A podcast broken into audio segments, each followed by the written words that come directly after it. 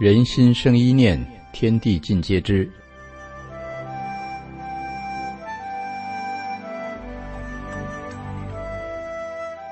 听众朋友您好，欢迎收听明慧广播《善恶一念间》节目。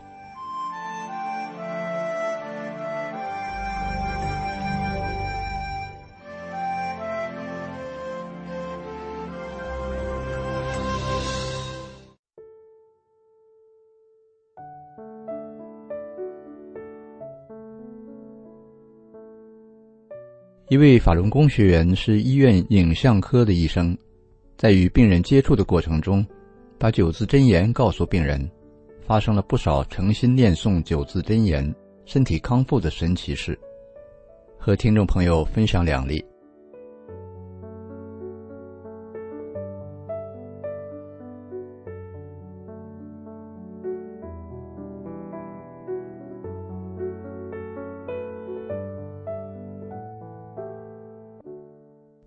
我从一九九六年开始练法轮功，下面分享两个我在工作中遇到的真实故事。六七年前，我妻子一位农村同学，他的外甥小名叫老涛。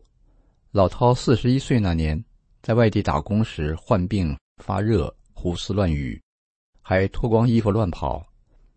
经省城大医院确诊为病毒性脑炎。老涛很快昏迷。并住进了 ICU 病房，半个月花了近二十万，很多钱是借的，也不见好转。最后，医院大夫告诉家属和病人，老涛又得了真菌性肺炎，即使有一百万也治不好这个病，还是放弃吧，否则最后弄得人财两空。于是，老涛被幺二零运回本地，在家属的要求下。我帮忙联系了本地一家三甲医院的 ICU 病房，老涛又住了进去。当天晚上，辛苦了一天的家人在医院旁边的饭店就餐时，我对在场的所有家人说：“现在只有一个办法能救老涛了，就看大家愿不愿意去做。”大家都问有什么办法，并表示只要能做到，一定做。我说：“现在社会上都在三退。”退出中共党团队保平安，只要在座的各位能够真心退出曾经加入过的党团队组织，并在心里诚心默念“法轮大法好，真善人好”，老套的病就可能出现奇迹。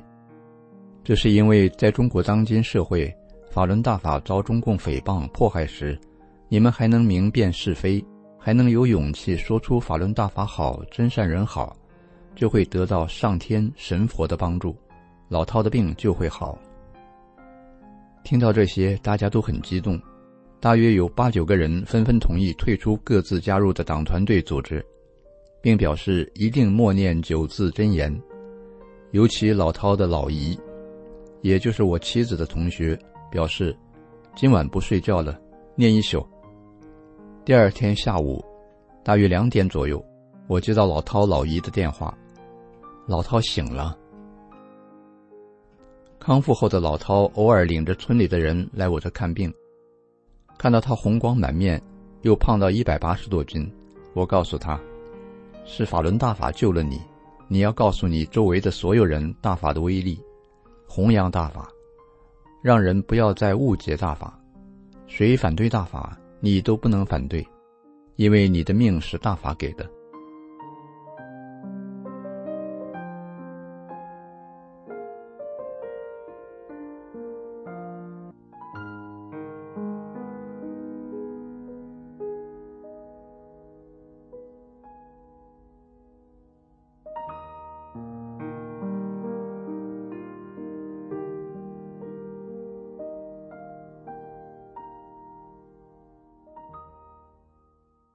记不清具体哪年，一天下午来了一位四十多岁的女性患者，腰痛得很厉害，检查结果是腰椎骨转移癌。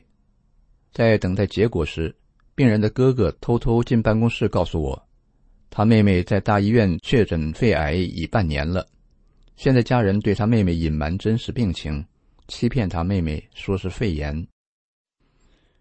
检查结果出来，当我给这位女士胶片时。我看到他憔悴、痛苦、无奈的样子，他告诉我，今天在家吃了止痛药才能出门看病。我就对他说，有一个办法能帮你减轻痛苦，而且不花一分钱，你愿不愿意试一试？他急切地问：“是什么办法呀？”我说：“法轮功，你知道吗？”他说：“知道，只是不太了解。”我告诉他，法轮功又称法轮大法，是佛家上乘修炼大法，教人修心向善，做好人，而且祛病健身有奇效。目前，全世界一百多个国家和地区的人都在练，得到世界各个国家及组织的褒奖三千多项，只有中共不让练，而且颠倒黑白，抹黑法轮功，自编自导天安门自焚伪案，欺骗全世界民众。让人仇视教人向善的佛法及大法修炼者。你从现在起，如果能明辨是非，并在心里诚心默念“法轮大法好，真善人好”这九字真言，你的病痛就会减轻，甚至有可能完全康复。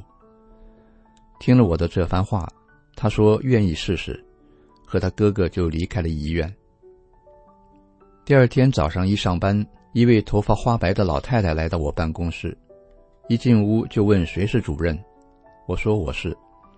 于是他对我说：“昨天我女儿来你这看病，临走时，你告诉她念法轮功的九字真言，她回家念了，结果昨天晚上她睡了一宿的好觉。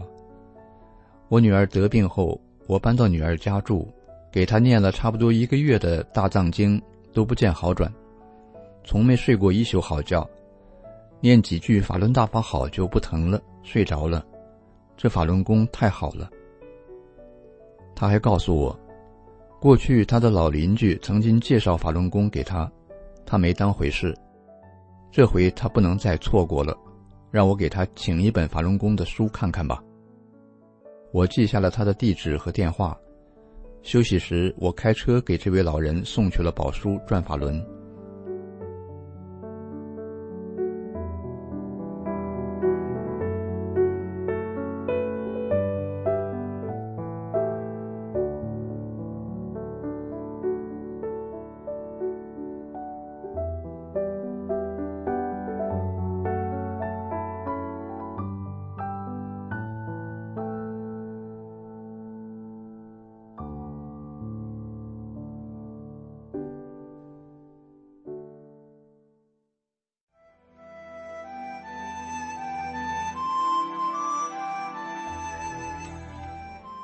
听众朋友，今天的善恶一念间就到这里，感谢您的收听。